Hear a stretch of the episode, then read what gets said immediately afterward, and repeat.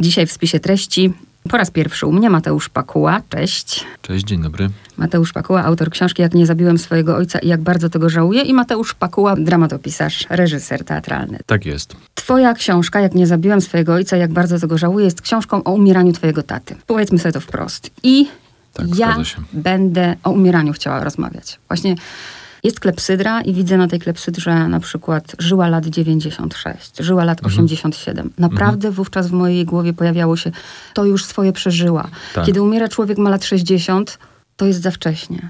Tak, tak. Myślę, że to jest, to jest w ogóle ciekawy temat, to znaczy takiej niezgody na śmierć w ogóle, która się przejawia tym, że o tym w ogóle często opowiadają i lekarze, i ludzie jakby obcujący ze śmiercią częściej, czy opiekunowie osób starszych właśnie, że jest niezgoda rodziny na to, że babcia lat 90 parę umarła, no bo przecież 100 lat śpiewamy po to, żeby człowiek dożył 100 lat, a najlepiej 120, tyle ile jakby wiemy, że mniej więcej organizm ludzki jest w stanie pociągnąć. Wydaje mi się, jak obserwowałem śmierci starszych członków rodziny, że naprawdę śmierć w wieku lat 80 paru, nawet w przypadku mężczyzn, to jest zazwyczaj to są w, w, w, mężczyźni żyją krócej statystycznie i w mojej rodzinie też tak jest. E, Kobiety są e, bardziej długowieczne i mężczyźni dożywają tych tak zwanych dwóch siekierek 77, 76, 78 to jest ten taka magiczna bariera. Ewolucyjnie podobno mężczyźni, starsi mężczyźni są niepotrzebni już rodzinie, więc y, a y, starsze kobiety nadal pełnią te funkcje y, właśnie opiekunów, wnucząt, prawnucząt i tak dalej. W każdym razie chciałem powiedzieć o tych reakcjach, to znaczy, że, że jest jakaś taka niezgoda na to, że właśnie w wieku lat 80 paru, 90, 78 mm, babcia, dziadek, ojciec, y, członek rodziny umiera. To jest jakaś ogólna niezgoda na śmierć, na ten skandal śmierci, na to, że w ogóle jesteśmy śmiertelni. Co pewnie też się wiąże z takim lękiem związanym z tym, że jakby to naprawdę jest koniec, defini- definitywny koniec. Y, Te takie obietnice metafizyczne, te iluzje metafizyczne, które sobie budujemy, y, w gruncie rzeczy są jakimś takim, no, rozpaczliwym poszukiwaniem jakiegokolwiek sensu w tym bezsensie y, śmiertelności. Ale tak, jakby mam wrażenie, że, że wszelkie inne sytuacje, to znaczy umieranie w wieku lat 60, to jest już też taki moment, w którym mój ojciec mógł powiedzieć: Miałem długie i wspaniałe życie, satysfakcjonujące życie. Na oddziałach onkologicznych, na których nie wiem, miał chemioterapię, na oddziałach, na których trafiał, spotykał ludzi 40-letnich, 20-paroletnich i jakby z przerażeniem też on relacjonował z, jak, z, jakimś, z jakimś przejęciem e, no, sytuacje wtedy rodzinne. Mm, Nie mówiąc już o takich sytuacjach właśnie związanych z chorobą e, ludzi niepełnoletnich, dzieci i tak dalej. To są, to są sytuacje niewyobrażalne, ale moja książka właściwie nie jest o śmierci, która mm, nie jest o śmierci, nie jest o stracie, nie jest o żałobie. Ja też często powtarzam, mówiąc o tej książce, że ostatnio w Polsce, w polskiej kulturze, literaturze y, dosyć dużo się pojawia książek i to bardzo dobrze, jakby przepracowujących, odtabuizowujących śmierć i stratę i żałobę. Natomiast bardzo rzadko, właściwie chyba w polskiej literaturze w ogóle, nie mówi się o samym procesie umierania Mhm. i żegnania umierającego. Że ten temat jest podejmowany bardzo subtelnie, bardzo też tak y, dosyć mm, no, skrzętnie zamiatany pod dywan. Ta książka nie, nie tyle jest o jakimś sprzeciwie wobec skandalu śmierci, tylko jest o sprzeciwie wobec skandalu jakości umierania. Umierania. Teraz Mhm. do słuchaczy się zwracam, że mm, jakby usprawiedliwiając się sposobem, może w jaki będę zadawać te pytania, ale dokładnie chcę zrobić to, co ty zrobiłeś z nami, czytelnikami. Ty tutaj po prostu nie owijasz bawełnę, mówisz prosto i konkretnie i tak też będę pytać prosto i konkretnie. Powiedz, jaśniasz po drodze, że musisz pisać, bo inaczej byś zwariował, prawda? Ty się wypisujesz, to jest dla ciebie jakąś terapią. Tak. Ale jednak nie zatrzymałeś się na tym, że się wypisałeś, tylko wydałeś tę książkę. Wydałeś Tak. tę książkę i w tej książce opisujesz umieranie swojego ojca z całą fizjologią. Mhm. Zarzuciła ci mama albo ktoś z rodziny, po co to robisz, e, po co to pokazujesz? Tak, to jest ciekawe też, e, ciekawa też kwestia jakby takiego w ogóle właśnie znowu tabu rozpostartego nad umieraniem i śmiercią, to znaczy jakimś takim y, przymusie szacunku wobec też ciała i właśnie nie mówienia głośno o, o fizjologii na przykład, albo nie, nie ujmowania tego też, nie, albo no, nie mówienia o tym w sposób komediowy. I wydaje mi się, że nie mówienie tego y, w, też publicznie, że ludzie się też nie przyznają właśnie do tego, że mają takie uczucia, mają takie myśli, powoduje jakieś straszne poczucie winy często. Znaczy, moja mama i moja rodzina zareagowali jakoś wspaniale na tę książkę i, i też mówili o tym, że właśnie tak, to znaczy jakby trzeba o tym mówić. Ja oczywiście pewnie nie użyłbym tego doświadczenia intymnego, nie miałem takiego poczucia, że, że jakby yy, chcę wykorzystać całą intymność e, tego naszego doświadczenia, tego rodzinnego doświadczenia i, i, i cierpień mojego ojca i całej tej naszej właśnie rodzinnej, intymnej e, historii. Gdyby nie to, że w pewnym momencie ta historia jakby zamieniła się z prywatnej w społeczną. E, I miałem takie poczucie, że ta zamiana w, i to, że ten nagle to się mi właśnie ujawniło z całą mocą, że to jest społeczny problem, uzasadniło mi jakby konieczność wykorzystania całego tego worka właśnie tego indywidualnego, intymnego doświadczenia. A z kolei, żeby ten społeczny aspekt miał jakby pełną moc, musiałem przeprowadzić odbiorcę, widza, z, z, z, yy, czytelnika przez to swoje indywidualne doświadczenie i to konkretne doświadczenie, nie sfabularyzowane, nie sfikcjonalizowane, tylko swoje non, niefikcjonalne, non-fiction, y, po prostu nie jakiś chłopak z jakimś umierającym ojcem i z jakąś rodziną, tylko, tylko y, konkretne ni ludzie.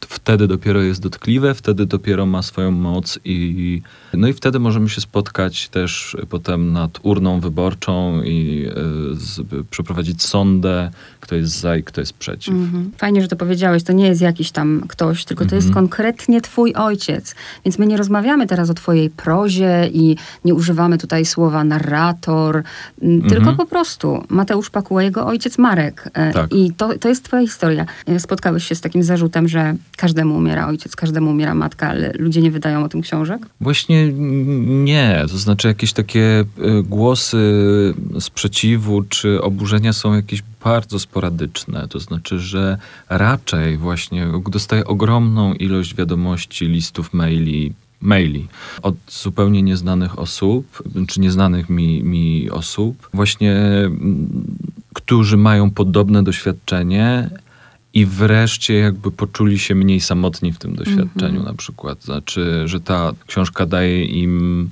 takie poczucie, że właśnie inni też czuli podobnie, myśleli podobnie, albo wreszcie mogą się przyznać sami przed sobą, że przestać się wstydzić czy obwiniać o to, że na mm. przykład właśnie życzyli najbliższej osobie śmierci, tak. albo że coś ich strasznie śmieszyło, albo coś ich brzydziło, albo że czuli, mieli po, poczucie jakiegoś piękna w sytuacji, w której powinni czuć gdzieś tylko i wyłącznie smutek i rozpacz. Że to jest objęte takimi w ogóle silnymi tabu i takimi jakimiś bardzo społecznymi, ale też takimi wewnętrznymi poczuciami, jak to powinno być, co ja powinienem teraz czuć, co ja powinienem myśleć, powinnam. Że ludzie piszą do mnie po prostu i, i, i czytelnicy, z którymi się spotykam też na, na, na spotkaniach autorskich, o jakiejś ogromnej uldze, którą im daje świadomość, że jakiejś takiej wspólnoty doświadczenia mm. i to, że, że to jest normalne, co czują. Że to, że czują wściekłość, bezradność, wściekłość y, do granic właściwie utraty zmysłów, to jest, to jest rzecz normalna. No i myślę, że, że ta funkcja taka właśnie odsamotniająca, to jest w ogóle funkcja jakby literatury. Bo ja uważam tę książkę też za dzieło literackie po prostu, ale przez to właśnie, że to jest niefikcjonalne i że jest jakby myślę, że dosyć duża pewność, że te osoby są właśnie takie, jakie, jakie zostały, jak, jak zostały opisane, że one istnieją i właśnie takie są i to, to dokładnie przeżyły, no to, no to tym silniej to, to działa. Mhm. O tym mm, o książce jako dzieło literackie to sobie zostawiam na później, na razie o tym umieraniu, jak się umiera w tym kraju na raka. I powiedzmy sobie wprost, twój tato był architektem, czyli nie był człowiekiem po prostu pierwszym, lepszym, nie wiem, nie chcę teraz użyć jakiegoś słowa, żeby ktoś nie poczuł się urażony, ale był architektem, człowiekiem poważanym, no tak, należącym szanowanym. do takiej Tak, klasy średniej. y, Wydawałoby się, że właśnie ktoś taki zawsze ma, wiesz, ma się lepiej, nie? Pokazuje, Mhm. pokazujesz tą książką, że nawet jak się jest architektem, to w tym kraju umiera się na raka. Strasznie się umiera. Y, To myślę, że jakby to, to kwestia zasobności portfela, to pewnie no, trzeba by osiągnąć jakby bardzo wysoki pułap tej, tej grubości portfela, żeby to robiło różnicę. No ale nie wiem, no przykład Steve'a Jobsa, który może miał jakąś lepszą opiekę, ale tak mi się wydaje, że umierając również na raka trzustki, zasadniczo miał się podobnie i pewnie podobnie czuł się upokorzony i tak dalej, upodlony. Więc w pewnych przypadkach to nie robi różnicy. Myślę, że ostatnio też jest podejmowany temat właśnie y, tego, co pisze Michel Welbeck y, na temat y, umierania, eutanazji w no, bogatszym kraju, jakim jest Francja, w bogatszej w ogóle sferze też społecznej, czy francuskich bogatych mieszczan, którzy mogą sobie pozwolić na wyjazd do Szwajcarii na przykład, żeby dokonać eutanazji. No to myślę, że naprawdę bardzo niewielki procent społeczeństwa polskiego jest w stanie sobie pozwolić na wyjazd do Szwajcarii, Holandii czy tam gdziekolwiek. Ale nawet jeżeli, y, no nie wiem, w mojej rodzinie mm, bylibyśmy w stanie uzbierać y, pieniądze potrzebne na taki wyjazd, wysupłać taką gotówkę, no to pewne przypadki po prostu się totalnie nie klasyfikują do jakiegokolwiek w ogóle wyjazdu. Nie? To znaczy, to trzeba zrobić na miejscu, e, żeby to miało sens, bo, e, bo, taki, bo taki wyjazd jest niemożliwy, jeśli ktoś ledwo powłóczy nogą, nie jest w stanie wstać albo w ogóle ruszyć ręką. Czy twój tato, jak słyszymy rak trzustki, to w ogóle już brzmi No jak tak, wyrok wy- i jest to ogromne też cierpienie. Wiemy, że tylko ta osoba, która albo była blisko takiego cierpienia, albo przeżywała cierpienie, wie, czym jest jednostka czasu wtedy. Nie? I też pięknie Mhm. to zaznaczasz. To, to jest nieporównywalne, czym jest czas wtedy, kiedy, Tak. kiedy się cierpi. I, I twój tato prosił jakby o skrócenie tej męki, ale czy mówił o lęku przed śmiercią? Yy, mówił, jest, jest, taki, jest taki moment, jest taki moment, kiedy ja go pytam, czy się nie boi śmierci. Yy, I on mówi już w tym momencie, jakby właśnie po prośbie o eutanazję. I mówi, że nie. A go pytam, wtedy dopytuję, doprecyzowuję, ale bólu tak. Mhm, tak. I on mówi, że no chciałby tego uniknąć. Znaczy, że, ten, że te, te ostatnie właśnie tygodnie przed śmiercią, ostatnie pobyty w szpitalu, to jest dla niego taka męczarnia, że on y, no, wtedy mniej więcej właśnie y, decyduje, że, że chciałby już to zakończyć i nie ma w nim lęku przed śmiercią. Czyli nawet, bo to jest taki ból, że chce się, żeby się tylko ten ból skończył. Już nawet nie myślisz o tym, czy się boisz tej śmierci. Chcesz Tak, tylko, żeby nie tak, cierpieć. Tak, tak. Jeszcze tak. twój ojciec umiera w trakcie pandemii. No chciałabym móc powiedzieć, że przed pandemią było inaczej, no ale chyba nie było. Znaczy myślę, że, że, że faktycznie pandemia tutaj dołożyła jeszcze jeden taki aspekt jakby zasadniczo okropny. To znaczy to, że, że te w szpitale w obostrzeniach, czyli w tej y, w stanie wyjątkowym, to były jakieś epicentra chaosu i bardzo sfrustrowanych ludzi, w sensie i kadry, i lekarzy, y, opiekunów, i, y, i rodzin, które, i pacjentów, i rodzin, które nie mogły przede wszystkim jakby widzieć się z tymi y, y, pacjentami. Ty opisujesz taki moment, kiedy pozwalają już y, na końcu, można powiedzieć, wejść wam do taty. Najpierw wchodzi mama, chyba później ty. Tak. I opisujesz te otwarte drzwi tych ludzi umierających w ogromnej, w, po prostu w samotności. tak. E, I nie do pomyślenia dla mnie, tak jak w tej książce jest dużo twojej wściekłości, tak ja czytając tę książkę i mając różne doświadczenia, no po prostu właśnie wściekłości to jest chyba najlepsza emocja. Jak można być tak nieczułym, że żona nie może wejść do ojca, Mhm. syn nie może wejść, ale ksiądz chodzi po... No tak, to jest... Później idzie do kościoła, tysiące ludzi gdzieś tam Tak, obsługuje. tak, tak, tak. jest- E, No ale jego chroni jakby Duch Święty, wiadomo, jakby przed tymi wszystkimi zarazkami i wirusami. To jest jeden z takich absurdów, które naprawdę powodują, że nóż w kieszeni się otwiera i siekiera z pleców wyskakuje. Ale ja jeszcze chcę powiedzieć o czymś innym. Jakby myślę sobie teraz a propos właśnie tego 1 listopada i, i, i w ogóle jakichś takich takiego przepracowywania w ogóle e, szerszego społecznego śmierci i właśnie w kontekście pandemii. To znaczy, że my e, w końcu, ja i moja rodzina, doprowadziliśmy do tego, że e, tata mój umarł w domu. Wyciągnęliśmy go z tych paliacji, z tych, z tych oddziałów właśnie takich walczących z, z tymi obostrzeniami covidowymi i tak dalej i umarł w domu. Tego chciał i to jest jakiś tej całej okropnej sytuacji jest to jakiś też sukces nasz rodzinny. Natomiast jakby po, przez te dwa lata e, pandemii e, ludzie też w moim wieku, mający rodziców mniej więcej tego samego pokolenia, w tym samym wieku, około 60-letnich, właśnie potracili tych rodziców w taki sposób właśnie pandemiczny, w którym ta śmierć została absolutnie jakby od nich odcięta. E, ci ludzie umierali w samotności, jakby to jest dramat ich i ich umierania, ale jednocześnie dramat tych, którzy zostali, którzy, którzy nie byli się w stanie pożegnać, nie byli się w stanie w ogóle na tę śmierć przygotować w żaden sposób, jakby by pobyć z nią, przepracować. Jakby to jest jakaś taka, mam wrażenie, że jakby ogromna część społeczeństwa, która potraciła bliskich w czasie pandemii, teraz w sytuacji jakiejś patologicznej żałoby, która w ogóle nie może się normalnie, no, no, no normalnie y, przejść.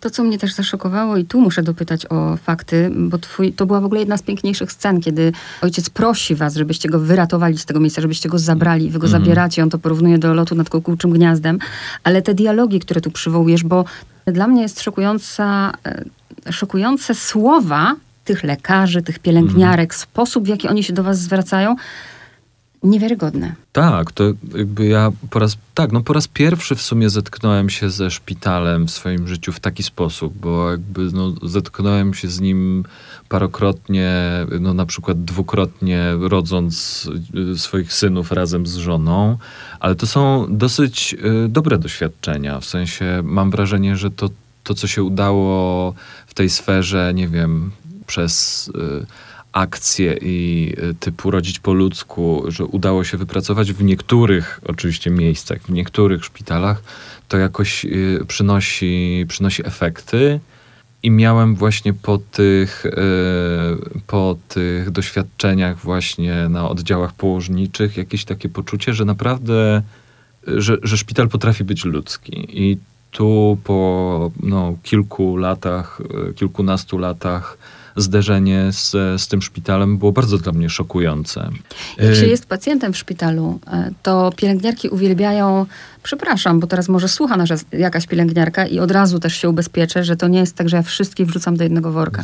Bo tak jak wszędzie mhm. są, prawda, są, są po prostu perełki w tym świecie pielęgniarskim, tak i w świecie lekarskim. Ale przeważnie jednak, jak ktoś tak próbuje sobie to wyobrazić, nie wiem, pracuje 30 lat w zawodzie, najlepiej mieć pacjenta, nie? kiedy masz jeszcze swoje problemy życiowe, który jest czysty, który nie brudzi, który nie wymiotuje, tak. który nie sra pod siebie za przeproszeniem, no to wtedy jest fajnie, a kiedy E, masz takich pacjentów 20 i robisz to setny raz dziennie. Nam, z perspektywy załóżmy pacjenta albo rodziny pacjenta, w ogóle jest trudno sobie wyobrazić, że jak może dojść do znieczulicy, a jednak może. Tak, no to pewnie jest jakiś taki odruch obronny po prostu, żeby nie zwariować też nie? W, takiej, w takiej sytuacji. I jakby też nie jest mi trudno e, znaleźć usprawiedliwienie na, na, na, taką sytua- na takie sytuacje czy takie odruchy.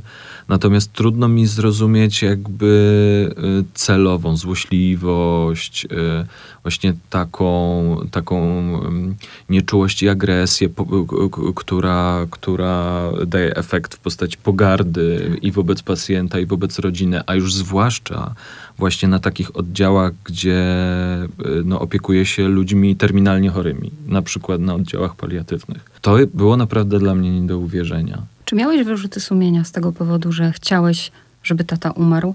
Rozwinę ten wątek. Mhm. Kiedy jest osoba cierpiąca na raka i to cierpienie, już mówiliśmy o czasie, jest naprawdę straszne i patrzysz, jak ten ktoś wymiotuje i wymiotuje i nie może przestać i, i wyje z bólu i chce już po prostu nie żyć, to ty w pewnym momencie i on, ten chory i, i ten z boku chce po prostu, żeby już, to, żeby już to się skończyło, żeby umarł. Tak. A później dopadały cię takie wyrzuty, że, że tego chciałeś? Tak, oczywiście to jest jakiś taki ciągły tygiel poczucia winy z różnych powodów, ale myślę, że y, we mnie jakoś y, najczęściej też pojawiały się, pojawiało się takie poczucie, że, że trzeba dać też e, ojcu, czy w ogóle choremu, e, terminalnie choremu, dać też inną drogę niż tę drogę jakby dzielnej walki. To znaczy, że, że to, że ktoś walczy z rakiem, jakby no też te wyjście poza ten język, poza mhm. ten topos taki, że ktoś wygrał albo ktoś przegrał, mm. czy ktoś dał radę i zwyciężył, albo jest cieniasem i po prostu dał się pobić rakowi, nie? Że no, z rakiem trzustki, z którego wychodzi 3% chorych, jest naprawdę nie, nie, nierówna walka na tej arenie gladiatorskiej. I jakby miałem wrażenie, że, że naprawdę dosyć szybko do mnie dotarło, że to jest, że, że ten finał jest jakby mi znany i że być może też może sprawić ulgę ojcu, kiedy mu powiem, że tak, jakby to się też może tak skończyć i że jeżeli czujesz, że nie chcesz walczyć i że nie masz po co jakby w ogóle siebie obwiniać też o to, że, że nie masz siły na tę walkę, no to, to powinniśmy wszyscy w ogóle rodzinnie wykonać jakąś taką pracę, żeby się z tym pogodzić. To jest strasznie trudne, bo myślę, że, że jakby ta nadzieja w ludziach, że jednak stanie się jakiś rodzaj cudu, znaczy, że będziemy, nasz przypadek będzie wśród tych 3%, mhm. które jednak, e, w których jednak udaje się pokonać te, te, te, tego ja też cały czas mówię, że żyjemy w Polsce i ta książka ma zupełnie inny wymiar. Dzisiaj czytałam w sieci 23-latka z Brukseli bodajże. Właśnie dokonała, dokonała eutanazji, bo przeżyła jakieś tam traumatyczne wydarzenia. Mhm. 23 e, lata, ale po prostu była w takiej traumie, mhm. E, że no, pożegnała się ze światem w otoczeniu mhm. rodziny i bliskich. I nam się, nam się wydaje to, jak słyszymy, nie? 23 mhm. lata, nic jej nie jest, ale nie jesteś w czyjejś głowie i nie cierpisz i nie znasz tego. Ty piszesz, że ostatnie dwa tygodnie były niepotrzebne. Żałujesz, tak. że nie zabiłeś swojego ojca? Tak, tak, tak. Myślę, że już dzięki temu, że no, przeszedłem przez terapię i oczywiście ta książka, e, pojawienie się jej, upublicznienie, rozmawianie o, też o tym, e, to też jest jakaś część dla mnie, taka e, część autoterapii. Ale no jakby potrzebowałem oczywiście też tak naprawdę prawdziwej terapii i dzięki temu nie czuję już takiego poczucia winy na przykład i wściekłości. Ale cały czas myślę o tym, że gdyby tylko Gdybym tylko był technicznie pewny co do jakby działania morfiny, gdybym tylko był wyposażony w płynną morfinę na przykład, a nie taką w tabletkach. Bałeś się, że po prostu mu to cierpienie jeszcze zwiększy. Tak, tak. Mhm. To znaczy, że, że no, to są też konkrety, to, to się rozbija o konkrety. To znaczy masz na przykład mm, worek morfiny w domu. Można by zabić właśnie pięć osób tą morfiną, ale to są tabletki, których ojciec nie przełyka, w związku z czym potrzebna by była morfina w płynie, no ale jej nie ma i żaden lekarz jej nie da. I ta cicha eutanazja w ogóle w Polsce istnieje, jakby mhm. ona się dzieje, albo nie wiem, właśnie terminalni chorzy popełniają samobójstwa, ci, którzy są w stanie na przykład powiesić się na futrynie y, drzwi w łazience. To są upadlające śmierci oczywiście. Chodzi o to też, żeby, żeby, żeby jakby jednocześnie, znaczy myślę o o godności umierania w tej chwili i o tym, że jakby technicznie y, to jest do zrobienia.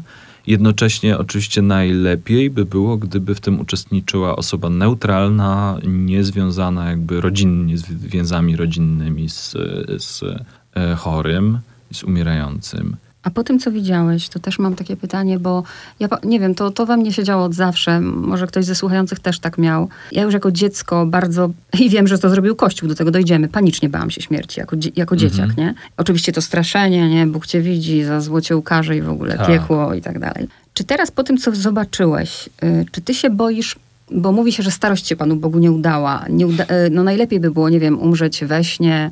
Zobaczyłeś, jak wygląda umieranie na raka trzustki. Boisz się śmierci? Nie, nie boję się już. Bo właściwie... Umierania bardziej miałam zadać pytanie. Umierania, o. Nie, nie boję się ani śmierci, ani umierania. Boję się tego, jakby co moje dzieci będą czuć, kiedy ja będę umierał. To znaczy, że jeżeli ja umrę za wcześnie, to boję się ich cierpienia piszesz o tym, że Władziu, bodajże młodszy, nawet nie będzie cię pamiętał. Ile on ma lat w tej chwili? Pięć prawie. No to nie pamiętałby cię, gdybyś teraz... No właśnie. No więc to jest, to, to jest jakaś przerażająca wizja.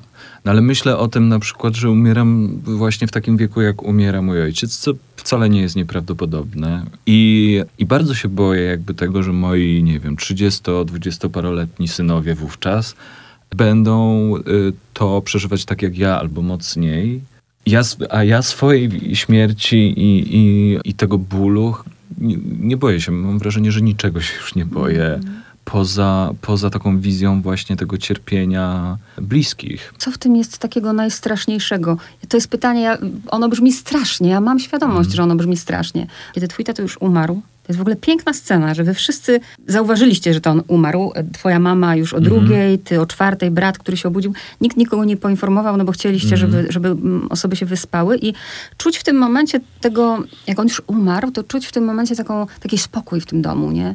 Taką, taki dobry sen, taką ulgę. Ulgę, I tak. ulgę. I właśnie to jest dziwne, nie? W tym umieraniu, że w momencie, kiedy ktoś umiera, powinien, powinna się zacząć wtedy tragedia, mm. a zaczęła się właśnie ulga. No bo śmierć nie jest najgorsza, czy najgorsze jest cierpienie.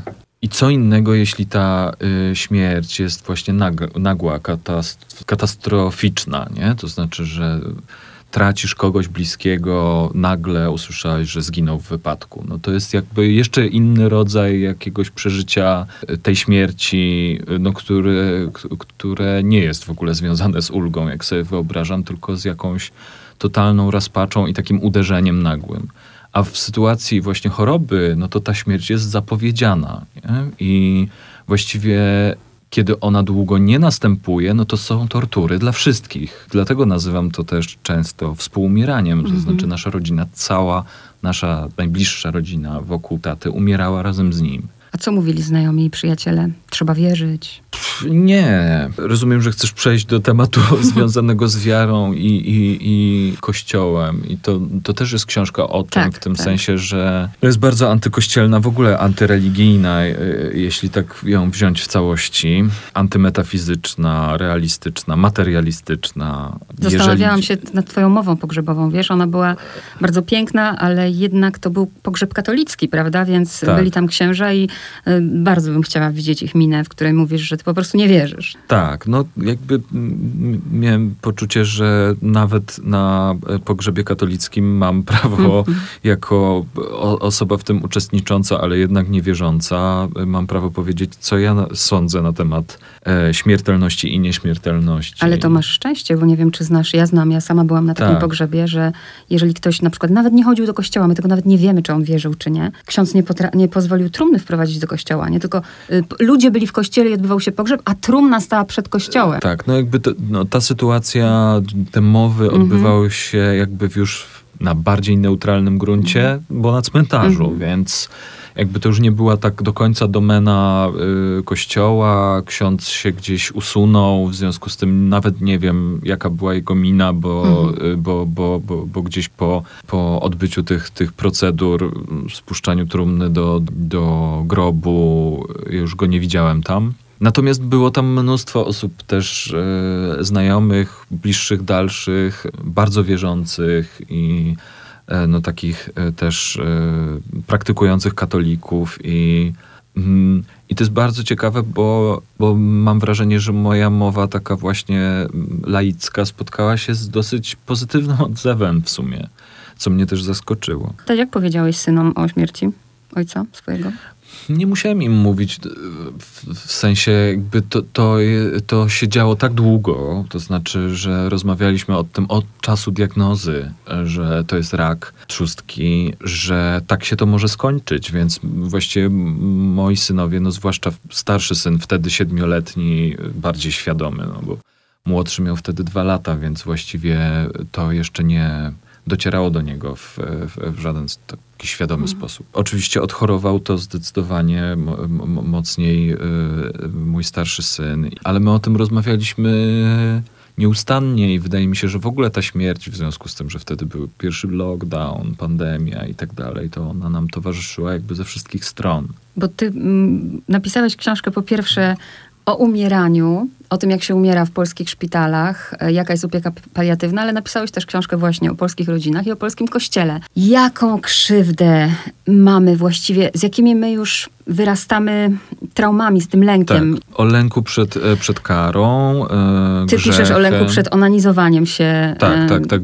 Grzech onanizmu i jakieś takie ciągłe po może nawet nie lęku, tylko właśnie poczucie winy mhm. z tym związanym. Że, że Jezus patrzy i kiwa głową z, z politowaniem, smutkiem i tak dalej. Udało no to ci jest się jakieś... z tego wyzwolić? Tak, tak. No, właśnie wydaje mi się, że to jest jakieś takie poczucie wolności po latach też e, pracy nad tym, żeby się z tego wyzwolić całkowicie to jest jakaś niesamowita ulga, kiedy sobie w pewnym momencie już jako dorosły, dojrzały człowiek uświadomiłem, że naprawdę Bóg nie istnieje, duszy nie ma, Kościół katolicki od dwóch tysięcy lat gada bzdury i opowiada bajki, a przede wszystkim jakby stara się mm, kontrolować i utrzymać swoją władzę, robiąc ludziom krzywdę. To znaczy, że ta, ta indoktrynacja i to robienie jakby wody z mózgu to jest naprawdę no, coś najstraszliwszego, co się odbywa od setek i tysięcy Ale masz lat. świadomość, że komuś teraz łamiesz w ogóle cały życiowy konstrukt, ktoś teraz słucha, jak nie ma duszy, w ogóle co on no, mówi, tak, nie? Wie, wie, wiem, wiem, to jest, to jest przerażające, mm. bo akurat nieistnienie duszy jeszcze mm. się wiąże z, właśnie z, z tą taką ostatnią deską ratunku, czyli że w ogóle jesteśmy nieśmiertelni, mm. nie? I że mm. życie po życiu istnieje i tak, tak. dalej ale jakby się trzymać nieistnienia Boga, jakby zostawiając na chwilę tę duszę, jakby się trzymać nieistnienia Boga i jakby bezsensowności albo straszliwości instytucji religijnych, no to wydaje mi się, że zburzenie takiej iluzji, nawet jeżeli komuś ona jakoś usensownia rzeczywistość, to jest naprawdę krok w dorosłość. Czy burzmy sobie, proszę Państwa, te iluzje i starajmy się być dorosłymi ludźmi. Na końcu zaznaczasz, że, że ta książka jest ma jakiś cel, ma jakąś mhm. misję. E, I to nie jest chyba tylko i wyłącznie ta misja dyskusji o eutanazji. Jaką? Mhm. Oczywiście przede wszystkim jakby ten cel społeczno-polityczny chyba szerszy niż dyskusja o prawie do eutanazji, czyli y, chyba dążenie do, czy walka o, nawet bym powiedział, walka o laickie państwo to jest to, co się wiąże z, z no, kwestią Kościoła, e, który jednak ma ogromny wpływ e, na to, co się dzieje politycznie i społecznie w e, naszym kraju. No i jakby te tematy, które są ostatnio też w, w Polsce bardzo gorące, czyli kwestia legalności aborcji, prawa osób LGBT, in vitro, do tego dochodzi eutanazja. To są rzeczy związane jakby z bardzo pod butem jakby wartości chrześcijańskich i katolickich i jakby w tym temacie do powiedzenia najwięcej mają biskupi. I w związku z tym, że no, tak być nie powinno, czy prawa boskie nie powinny jednak e, w, w, kłaść się ciężkim łapskiem na, na prawach obywatelskich, prawach konstytucyjnych, no to, no to ten postulat o faktyczne, a nie tylko w teorii mm, laickie państwo, że jakby no, praktyczny rozdział po prostu państwa od kościoła. I w co wierzysz? No bo wiadomo, że to, to brzmi pięknie i cudownie, ale Mamy za sobą kawał historii, mamy też Polskę, która jest jaka jest w tej chwili. Co wierzysz w pracę u podstaw? W to, że tak, takie wierzę, rozmowy jak ta coś zmieniają? Tak, wierzę, wierzę w jakby w działania oddolne, które zmieniają e, społeczeństwo. Znaczy to, że ruch strajk kobiet jakby nie przyniósł, strajki kobiet nie przyniosły natychmiastowego rezultatu, to nie znaczy, że jakby ta praca społeczna, oby, obywatelska, oddolna, która została wykonana Y, zmiana świadomości obecnych 40, 30, 20-latków i nastolatków, którzy za chwilę też będą mieć prawa wyborcze. Jestem przekonany, że to jest tak ogromna zmiana, że za chwilę jakby poznamy, za jakiś czas poznamy jej efekty. I że te efekty są niezbywalne. Nasze pokolenie dożyje tego? Yy, tak, tak. Ja tak myślę, że, że, że, że mam wrażenie, że dożyjemy rozpadu kościoła katolickiego. Oczywiście takie wspólnoty jakby religijne zawsze będą, zawsze wśród społeczeństw znajdą się takie grupy ludzi, którzy tego potrzebują bardzo. Ale myślę, że nastaje jakby też taki czas w Polsce z opóźnieniem też takiej laicyzacji właśnie, czy, no to, to widać w statystykach, znaczy wypisywanie z religii, jakby coraz mniejsze uczestnictwo w szkołach dzie mhm. dzieci, nastolatków w lekcjach religii i tak dalej. To jest jakieś dla mnie, to jest bardzo optymistyczne. I myślę, że to jest dobry moment, żeby przywołać Instytut Dobrej Śmierci. To jest totalnie mhm. laicka organizacja, tak? Mhm. Jak się w niej znalazłeś i co to jest? Zaprosiła mnie do niej e, liderka te, te, te, tego kolektywu, Ania Franczak. To jest grupa zrzeszająca y, ludzi w bardzo szerokim sensie pracujących z tematem śmierci. Zrzeszająca bardzo różnych ludzi o bardzo różnych kompetencjach artystów, pisarzy y, i y, lekarzy, antropologów, prawników którzy interesują się tematem śmierci i jakby tym tematami wokół, czyli kwestiami właśnie umierania, y, chorowania, godnego, y, godnego odchodzenia czy godnego umierania, kwestiami pochówku, kwestiami żałoby. Ania Franczak sama o sobie mówi, że jest dulą umierania, czy taką opiekunką właśnie w żałobie, ale też nie, zajmującą się opieką dla rodziny w takiej sytuacji właśnie. Czyli Ania cię utraty. znalazła, czyli już ta książka się ukazała i Ania cię wtedy znalazła, tak? Tak, tak, tak. A tak. twoja rola w tej instytucji, co ty robisz? Moja rola jest chyba taka, że żeby wykorzystywać jakby to, że ta książka dotarła do stosunkowo dużej grupy ludzi, że też jestem twórcą teatralnym, który ma też narzędzie do jeszcze jeszcze innej grupy trafić z pewnym przekazem. I też e, opowiadam o tej grupie, o instytucie, ale też o podgrupach. Na przykład profesor Anna Kubiak zorganizowała e, jakby taką podgrupę, która się zajmuje w ogóle stricte eutanazją. Założyliśmy taką stronę, na którą zapraszam tak dla prawa eutanazji w Polsce. To jest grupa ludzi, która na przykład pracuje też nad ustawami obywatelskimi, nad ewentualnymi w przyszłości, mamy nadzieję, że niedalekiej, formularzami dobrej śmierci. Znaczy, że ktoś, nie wiem, na przykład terminalnie chory, może, póki jest świadomy, zażyczyć sobie jakiej, na przykład eutanazji albo jakiegoś rodzaju traktowania go, biernej eutanazji, czyli nieprzedłużania uporczywej terapii. To już jest możliwe oczywiście, żeby sobie tego, tego w niektórych miejscach przynajmniej jest to możliwe, żeby sobie tego zażyczyć. Natomiast wyobrażam sobie, że, że no w takich przypadkach jak na przykład e, terminalna, e, choroba terminalna, jak rak trzustki, jak w przypadku mojego ojca, można w odpowiednim czasie wypełnić kilka punktów formularza, w którym własnoręcznie i ze świadomym umysłem człowiek zażycza sobie e, jakiegoś rodzaju właśnie traktowania w, w, w, pewnym momencie. No więc to są też bardzo konkretne rzeczy, którymi się ta grupa zajmuje, a ja próbuję oczywiście wszędzie, gdzie mogę mówić o, o instytucie, e, zapraszać do śledzenia też tych, tych e, wydarzeń, które są przez Instytut organizowane. Samemu jak najwięcej mówić i odtabuizowywać właśnie tematy z około Tak jak powiedziałeś, jest dużo książek o mm, żałobie, a twoja książka jest o umieraniu i mhm. to jest bardzo potrzebne właśnie, żeby, że tak jak życie, że to jest blisko życia, że, że jesteśmy ciałem. Tak. To jest bardzo potrzebne, a z śmierci twojego taty dwa lata, tak? Minęły tak. dwa lata i już nie mówię nawet o tym procesie żałoby, która trwa bardzo długo, ale ty współumierałeś, ty widziałeś to cierpienie, ty byłeś w tym w środku.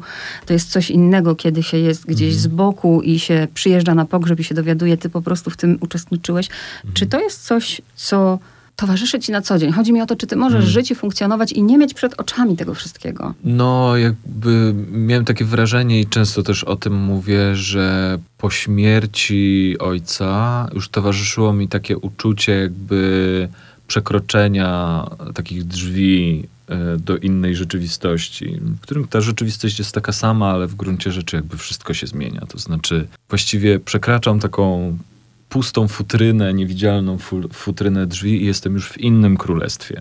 Czy w takim królestwie, w którym właśnie już nic nie jest takie samo. Ja y, bardzo czuję, że dosłownie czuję, że umrę, w tym sensie, że, że Jakby dotknęło mnie to poczucie śmier śmiertelności też własnej. Czuję też te cierpienia właśnie, które są związane ze stratą. No w związku z tym tak, to jakby mam wrażenie, że to jest niezbywalne. Człowiek staje się innym, innym człowiekiem. Mniej się przejmujesz Rzeczy... pierdołami na co dzień? Widząc już Trochę jak, tak, trochę, trochę tak. To chyba zmienia się perspektywa dużo bardziej chyba się no, do, docenia, a przynajmniej stara się, bo to nie zawsze się udaje oczywiście. E, to, to, to takie piękne założenie, że o tym też mówił mój ojciec, znaczy doceniajcie czas ze sobą na przykład, nie? bo nie wiadomo, bo nie wiadomo jakby kiedy ten czas zostanie wam jakby już, e, kiedy, kiedy będzie ta meta. To jest trudne jakby na co dzień praktykowanie tego doceniania, ale myślę, że, że można sobie o tym przypominać i że też takie doświadczenie jakby skutecznie, przynajmniej raz na jakiś czas o tym przypomina. No i tak, no jakby mm, myślę, że z, zajmuje mi też y, dużo mojej energii, jakby przepracowywanie, może tak, zajęło mi przez pierwszy rok, może półtora po śmierci ojca dużo czasu i energii przepracowywanie właśnie wściekłości, znaczy swoich złych emocji. To jest książka o, też o złych emocjach, o, o, o, tym chyba bardzo najczęściej właśnie mówią czytelnicy. To znaczy, że to im daje ulgę, y, rozpoznają ktoś mówi o złych emocjach, które oni też mają i przyznaje się do tego. Mm -hmm. Ja tu do, do, słuchaczy teraz się zwracam. Nie dotknęłam mnóstwa rzeczy, bo tu właściwie y, otwierają się nie, twój brat, y, czy mm -hmm. właśnie ta zamiana, że nagle rodzic staje się dzieckiem. Już nawet nie tak, otwieram tak, tych tak, wątków, tak, bo to tak, jest to... ich bardzo dużo. Ale na koniec chcę o tej literackości jeszcze powiedzieć i mm -hmm. o mhm. tym, że ta książka, y, ona niektórych właśnie może którzy tak bardzo, bardzo serio traktują życie i tak bardzo serio traktują umieranie, mhm. to ta książka może być dla nich szokiem. Tak. Ja się w tym odnalazłam bardzo, właśnie w tym absurdzie tego wszystkiego, e, w tym, jak bardzo trzeba pamiętać jednak o tym, duchowość jedna sprawa, ale jesteśmy po prostu ciałem. Mhm. I w pewnych sytuacjach nie panujesz nad tym ciałem. I cały czas mam przed oczami ten fragment, gdzie ty się dziwisz, Boże, ile tego jest, ile z człowieka po prostu może tego wypłynąć, prawda? Mhm. Czy to, że włożyłeś do tej książki dwa swoje dramaty, to są równie poruszające e, rzeczy, mhm. szczególnie mówię o ostatniej części. W ogóle twoja babcia, kolejny temat, który by trzeba było otworzyć i tak I dalej. jedna i druga. Oczywiście ale też mnie ciekawi, czemu to powkładałeś. Ty napisałeś, że ty czułeś, że tak musiałeś, ale mhm. samo włożenie Lema i Dika i pokazanie absurdu tej sytuacji, absurdu sytuacji, jaką jest w ogóle życie i to, jaki mamy w tym udział, Chodzi mi o to, kiedy no, no, pojawił no, się gdzieś... pomysł na tą kompozycję, wiesz, że, ona, że ta książka będzie tak wyglądać. Tak, no ja bardzo chciałem, żeby ta kompozycja była y, dosyć misterna, mimo jakby pewnej takiej do, dominacji afektów w tej książce, emocji, tej dziennikowości, która jest taka e, emocjonalna i tak dalej, no to, to bardzo chciałem, żeby, ta, żeby to była skonstruowana książka, która da mi ramy, żeby pomieścić te wszystkie emocje, gdzieś je zamknąć, żeby one się nie powylewały. I też te dramaty w pewnym momencie jakby oczywiście dramat Lema i, o Lemie i Diku ja po prostu pisałem w czasie, kiedy mój ojciec już chorował, jeszcze się nim nie opiekowałem, bo to był czas pierwszego lockdownu i tak dalej. I on jest też przesiąknięty właśnie takimi pierwszymi moimi lękami związanymi z, z tym, że mój ojciec umrze ten, to jest tekst też o śmierci po prostu. Oczywiście jakby w, zasadniczo jest o e, dwóch pisarzach science fiction i o pieniądzach i o y, byciu, nie wiem, ateistą, materialistą, a z drugiej strony byciu poszukującym świrem e, z takim metafizycznym zacięciem. Ale właśnie to w pewnym momencie sobie uświadomiłem, ile jakby z tego dramatu jakby odbija się też e, w tej naszej historii e, właśnie umierania i współumierania, e, mojego bycia z ojcem. Ile wątków się jakby nawzajem w sobie przegląda, ile motywów tak subtelnie do siebie nawiązuje. Znaczy, że nagłe, poza tym, że jakby ten temat materialistyczny, czy jakby niewiary, religijny ulema jest bardzo, bardzo, mhm. ba, bardzo silny i, i, i potem gdzieś się pojawia jakby w moich, w moich monologach emocjonalnych, to chyba to, co gdzieś dla mnie było też kolejnym i istotnym takim motywem, to takie poczucie y, nierealności rzeczywistości, które w dramacie pojawia się jakby u, u Dicka, a potem pojawia się w sytuacji, kiedy mój właśnie naćpany morfiną, hydroksyzyną i różnymi innymi otumaniaczami i przeciwbólami. Ojciec właściwie nie wie, co mu się śni, co jest rzeczywiste, gdzie właściwie się znajduje, jest totalnie bezbronny. I, i wtedy roją mu się rozmaite jakieś takie bzdury spiskowe to, to, to było dla mnie niesamowite, bo, ja, bo to były takie momenty, jakbym sam się znalazł w takiej, w takiej w książce Filipa Dicka, tak. w której tematem jest właśnie jakaś taka zagadka, czy rozwiązywanie zagadki rzeczywistości. Co jest rzeczywiste? Co, gdzie mamy pewność odnośnie rzeczywistości? Tak to właśnie odczytałam i ta książka jeszcze jest czymś innym. Ta książka mm. jeszcze może być dokładnie książką o innych książkach i o tym, mm. jakie książki ci towarzyszyły podczas y, właśnie umierania twojego taty. Bo to też jest ciekawe, właśnie przyglądałam się tym lekturom. W ogóle świetnie, zwykle też przeplata się to wszystko z popkulturą, z tekstami, ty się mm. tym tam cały czas bawisz, to jest bardzo, bardzo przyjemne. Ale muszę na koniec zadać pytanie o babcię. Słuchaj, po ludzku mi przyszła taka myśl, że ja to rozumiem, naprawdę to rozumiem i rozumiem wtedy twoją reakcję. Mm. Babcia Mateusza jest... Y, najbardziej chora na świecie, znamy wszyscy takich ludzi, ma największe problemy, Chociaż najbardziej cierpi. najdłużej tak żyje i tak. przeżyje wszystkich. Mhm. Ale biorąc pod uwagę też jej przeszłość, jestem w stanie zrozumieć to, naprawdę. I w momencie, kiedy następuje u ciebie taki wybuch w tej kuchni, mhm. I mówisz jej to, co jej mówisz, to zadałam sobie takie pytanie, czy biorąc pod uwagę właśnie jej historię, nie mogłeś się powstrzymać? A, ale nie wiem, czy, czy, czy, czy nie scalasz e, teraz historii e, babci Haliny, Aha, czyli tej wojennej, z, tak. wojenna historia opisana w książce jest historią drugiej babci, czyli e, tak, matki mojego to. ojca. Ale nawet jeżeli. Ale nie szkodzi, bo oczywiście jakby ta historia y, dzieciństwa babci Natalii, czyli, czyli właśnie tej, o której mówisz, na której się też w pewnym momencie ona rykoszetem dostała mm. jakąś taką ode mnie w, w właśnie wylewem, wybuchem wściekłości. Y, no to, to, to yy, myślę, że to życie było inne niż, niż w przypadku babci Haliny, ale no jakby jej doświadczenia związane z y, wo dzieciństwem wojennym, PRL-em i tak dalej też nie, nie, nierzadko należały do, do nielekkich. O.